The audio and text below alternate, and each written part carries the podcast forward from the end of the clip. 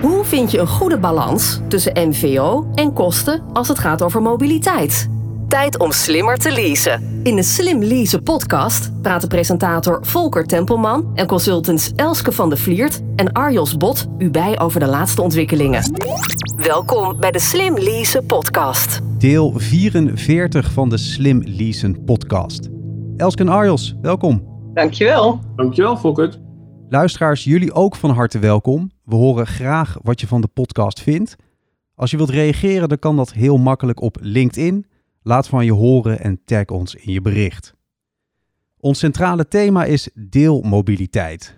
In deze podcast specifiek waarom bestaat Netflix van auto's niet? Speciale gast daarbij is Ananda Groak, onafhankelijk expert in slimme, duurzame en deelmobiliteit bij Reframe. Welkom Ananda, goed dat je erbij bent. Dankjewel Volker, leuk dat ik erbij mag zijn. Over Reframe, wat is dat precies voor een organisatie? Reframe is mijn adviesbureau en ik hou me bezig met de mobiliteitstransitie, zo noem ik dat zelf graag in ieder geval. En de kernvraag bij mij is altijd: hoe kunnen we ons in de toekomst vrij blijven verplaatsen zonder daarbij een negatieve impact te hebben op onze leefomgeving? Wat doe jij dan precies als onafhankelijke expert in die slimme, duurzame en deelmobiliteit? Wat houdt dat precies in? Nou, dat is heel gevarieerd. Soms signaleer ik zelf een trend en vind ik dat er iets moet gebeuren. Dan organiseer ik bijvoorbeeld een congres waarbij ik de werelden van mobiliteit en vastgoed bij elkaar breng, omdat ik vind dat ze met elkaar moeten praten. Soms adviseer ik langere termijn ministeries of gemeenten of uh, automerken bijvoorbeeld. En soms zijn het ook gewoon ja, hele kleine vragen waarbij iemand gewoon iets meer kennis zoekt op het gebied van deelmobiliteit. We duiken er meteen in. De centrale vraag van deze podcast. Waarom bestaat de Netflix van auto's nog niet? Misschien wel, Ananda. Dat is een hele goede vraag. En ik denk dat als je om je heen kijkt, dat er een heleboel bedrijven zijn die denken dat het wel al bestaat en dat zij het hebben uitgevonden. Want je leest om de haverklap ergens een nieuwsbericht dat automerk X uh, de Netflix van auto's heeft gelanceerd. En uh, dat is eigenlijk nonsens. Dat is een hele gekke uh, vergelijking eigenlijk. Omdat um, als wij met elkaar filmpjes kijken, dan kunnen we met heel Nederland naar dezelfde film kijken op hetzelfde moment. En dat is het mooie van streamingdiensten. Maar auto's of fietsen of scooters, die kun je niet streamen. Als ik in een auto zit, kun jij niet in dezelfde auto zitten op hetzelfde moment. Dus er is uh, sprake van schaarste eigenlijk, wat je bij streamingdiensten niet hebt. Maar, hè, dat, dat klinkt natuurlijk wat negatief, ik, ik snap wel de kern van de vergelijking die er gemaakt wordt. Want uh, wij als consumenten, denk ik, uh, kennen steeds meer in de wereld om ons heen flexibiliteit. In, in eigenlijk alles, denk er maar over na. Van abonnementen die je zelf kunt samenstellen, die per maand opzegbaar zijn, tot nou ja, de manier waarop we naar onze eigen loopbaan kijken of naar onze werkplek. Flexdesk, et cetera. Dus dat is wel uh, de nieuwe norm. En, en, en we verwachten dat auto's daar ook in meegaan van wie is dit probleem, zeg maar eigenlijk? Hè? Want je geeft al aan van, nou, er zijn dan automakers die zeggen, wij zijn de nieuwe Netflix. Maar um, moet ik me dat als automaker aantrekken? Of moet ik me dat als gewone consument aantrekken? Of moet een gemeente zich dat aantrekken? Wie is hier nou de belangrijkste speler in? Goeie vraag. Uh, kijk, als je een nieuwe dienst gaat aanbieden en jij claimt inderdaad de Netflix van auto's te zijn, dan ben jij denk ik als dienstverlener uh, eigenaar van het probleem.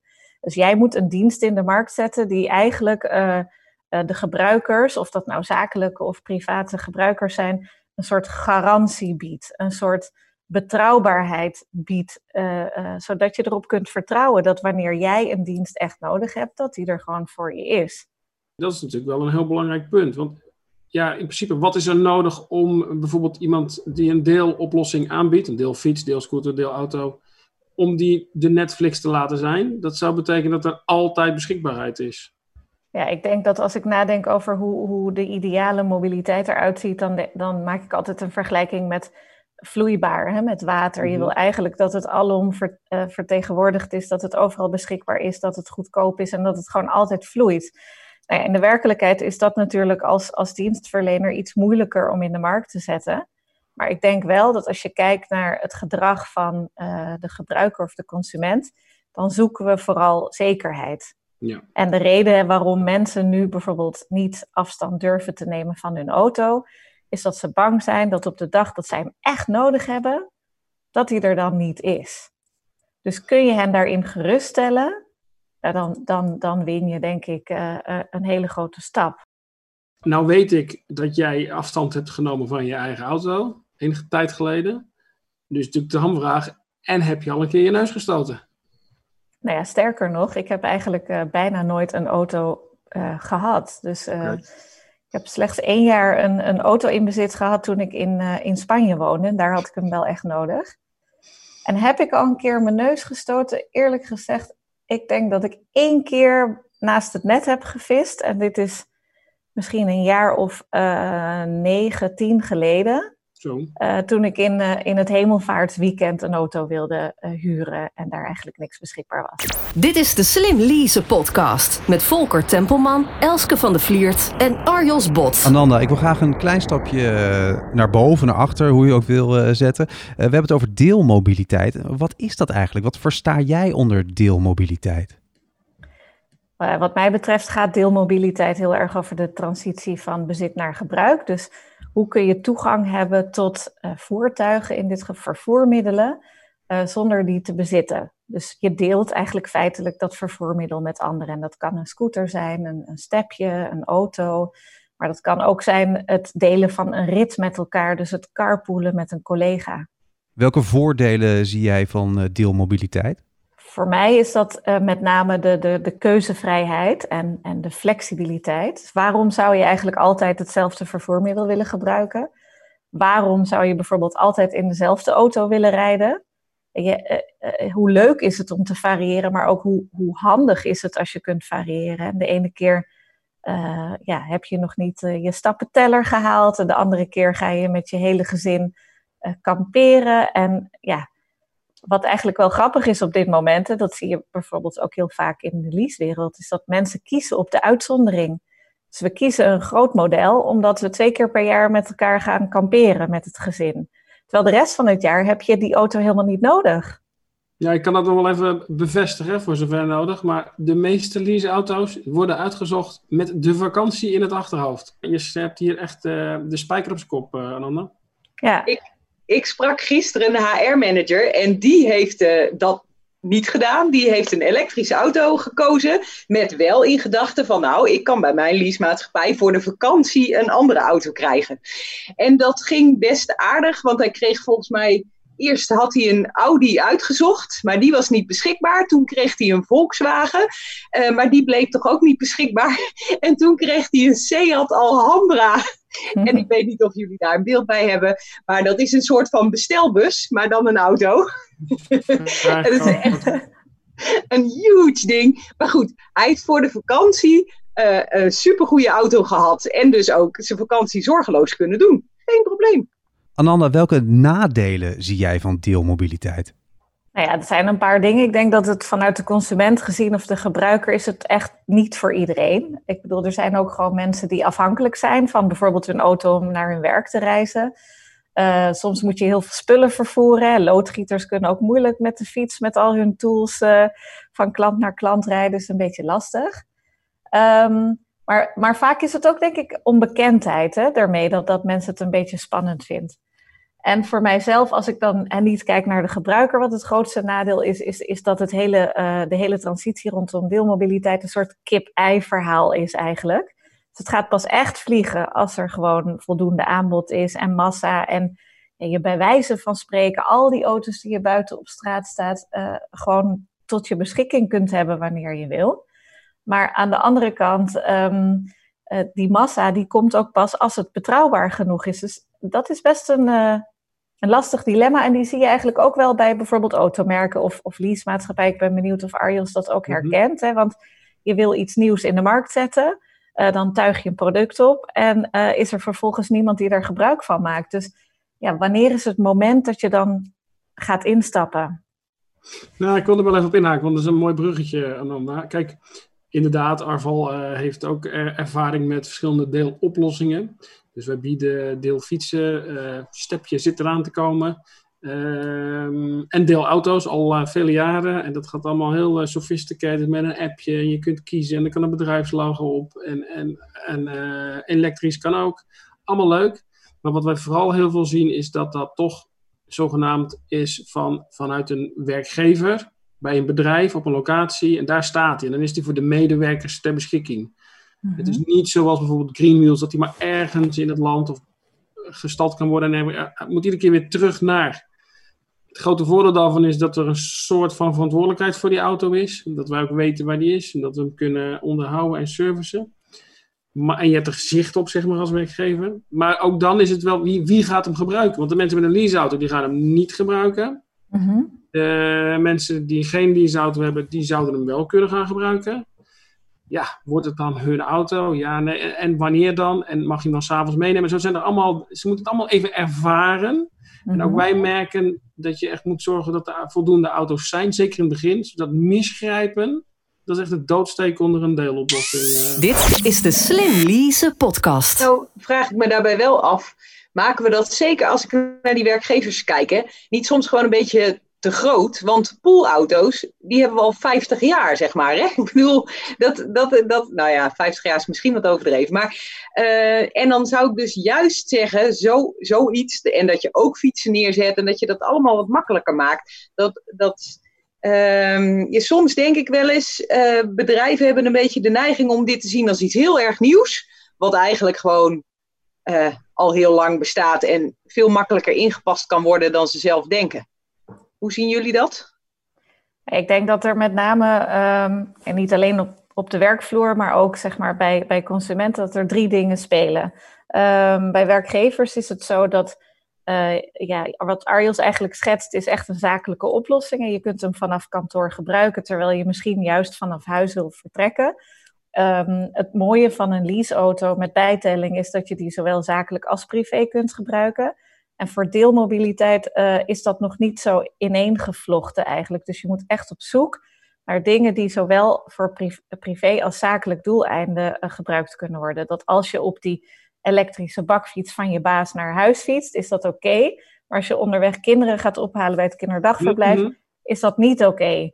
Dus dat maakt, het, dat maakt dat nog best wel lastig. En ik denk dat daar voor werkgevers en voor de sleutel ligt voor iedereen anders, en dat speelt natuurlijk ook in zakelijk mee, zijn er denk ik twee dingen. En dat is, wat is de norm? De norm is op, op de werkvloer de, zaak, de, de, de leaseauto.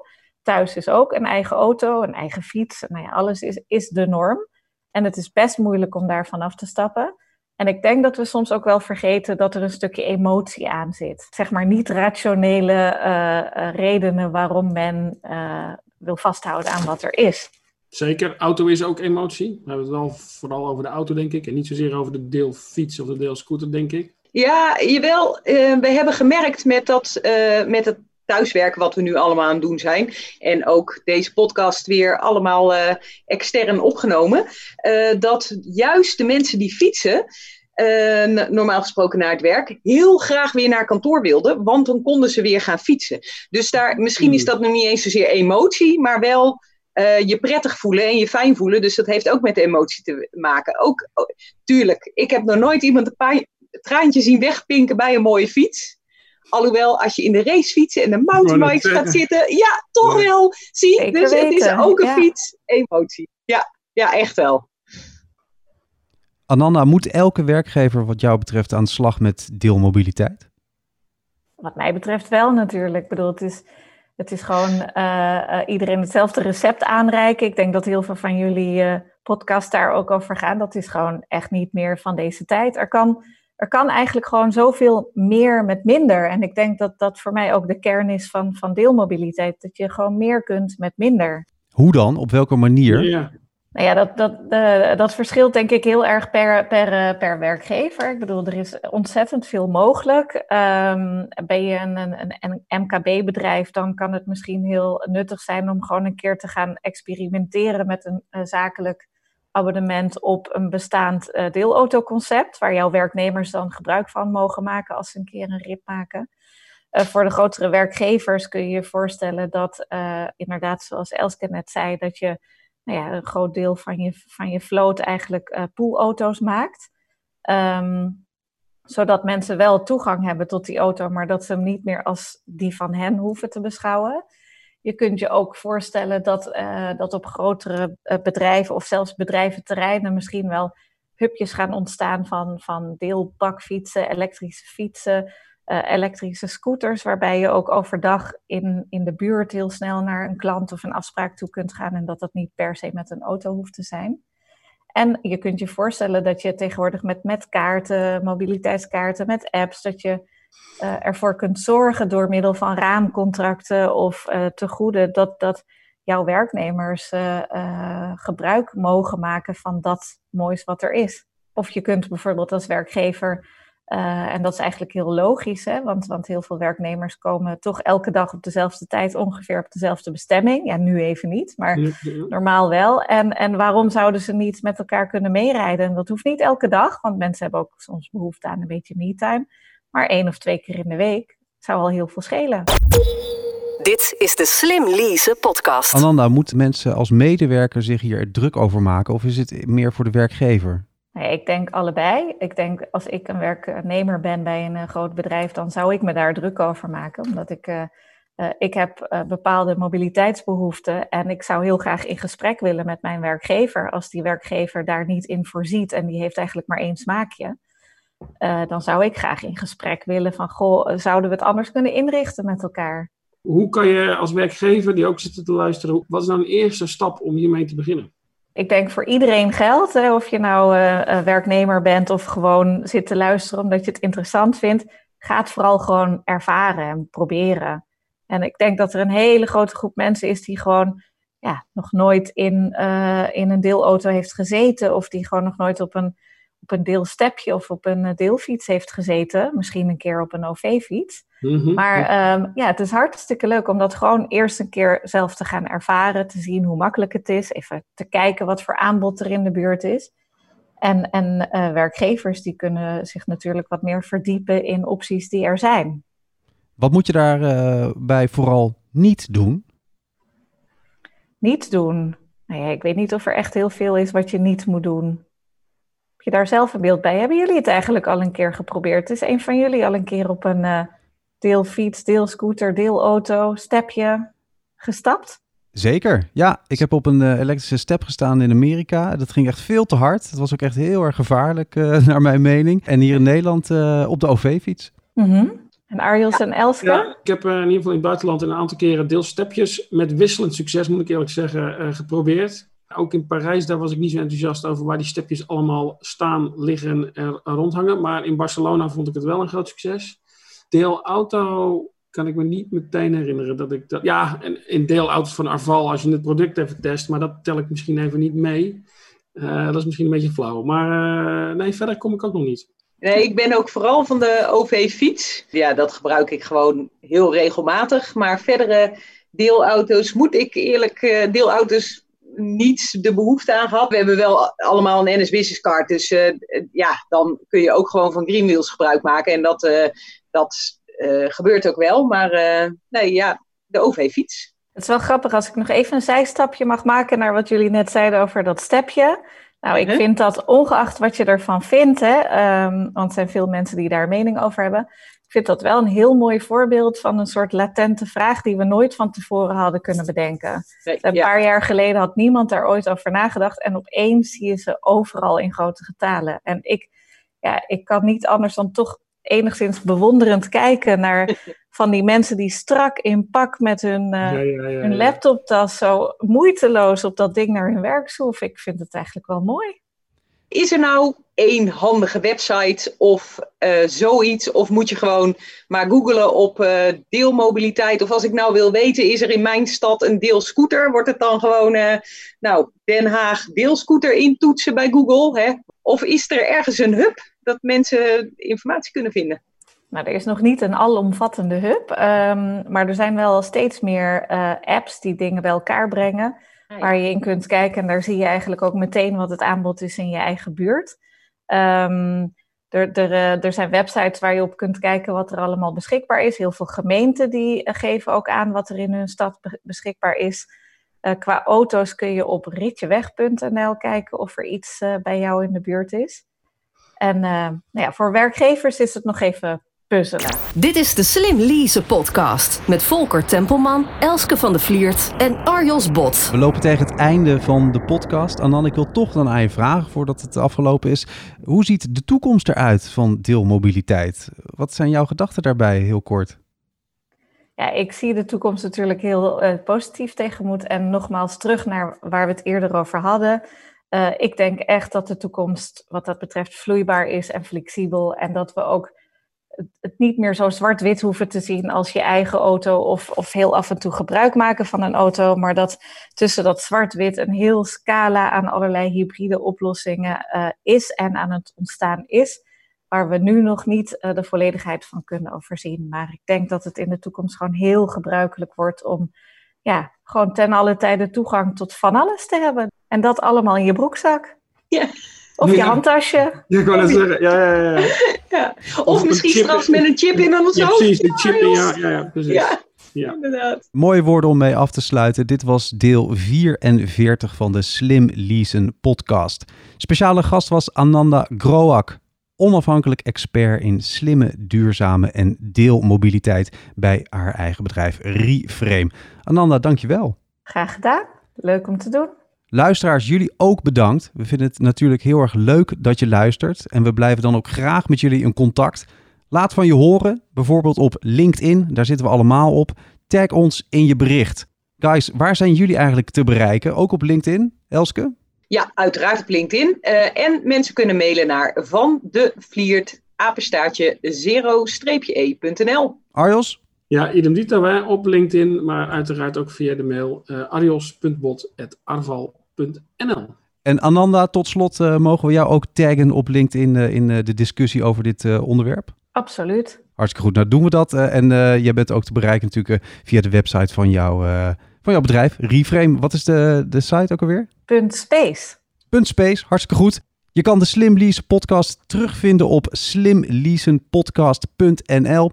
En je kan natuurlijk terugluisteren in je eigen favoriete podcast-app. En natuurlijk gewoon op Spotify en alle andere grote podcast-platforms.